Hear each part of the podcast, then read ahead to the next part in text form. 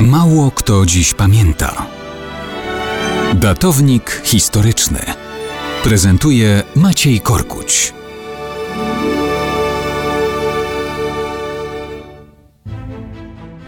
Mało kto dziś pamięta, że 28 marca 1812 roku książę Józef Poniatowski spisał swój testament. Szykowała się wojna z Rosją. Książę, książę Józef wiedział, że to nie przelewki. Liczył się z najgorszym, więc testament spisał, powierzając jego wykonanie uposażonej przez niego głównej sukcesorce, czyli własnej siostrze.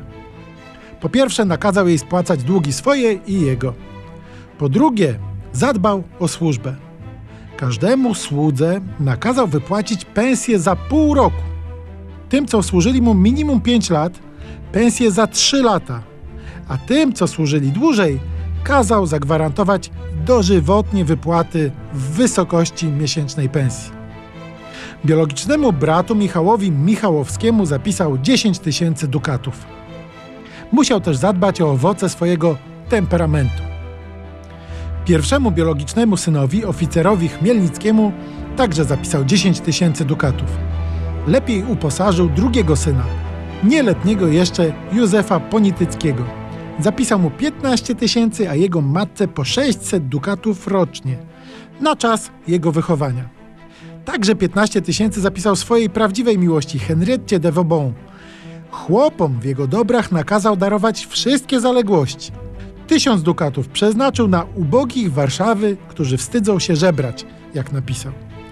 Zarządził, żeby jego konie i broń zostały rozlosowane pomiędzy żołnierzy najbliższych jego współtowarzyszy broni. Jak napisał, niech mają pamiątkę po mnie i niech każdy wygraną rzecz zachowa dla siebie.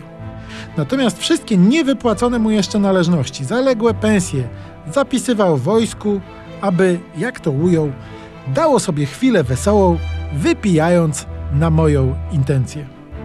No cóż, śmierć człowieka powali ale kawaleryjskiej fantazji zabić nie zdoła.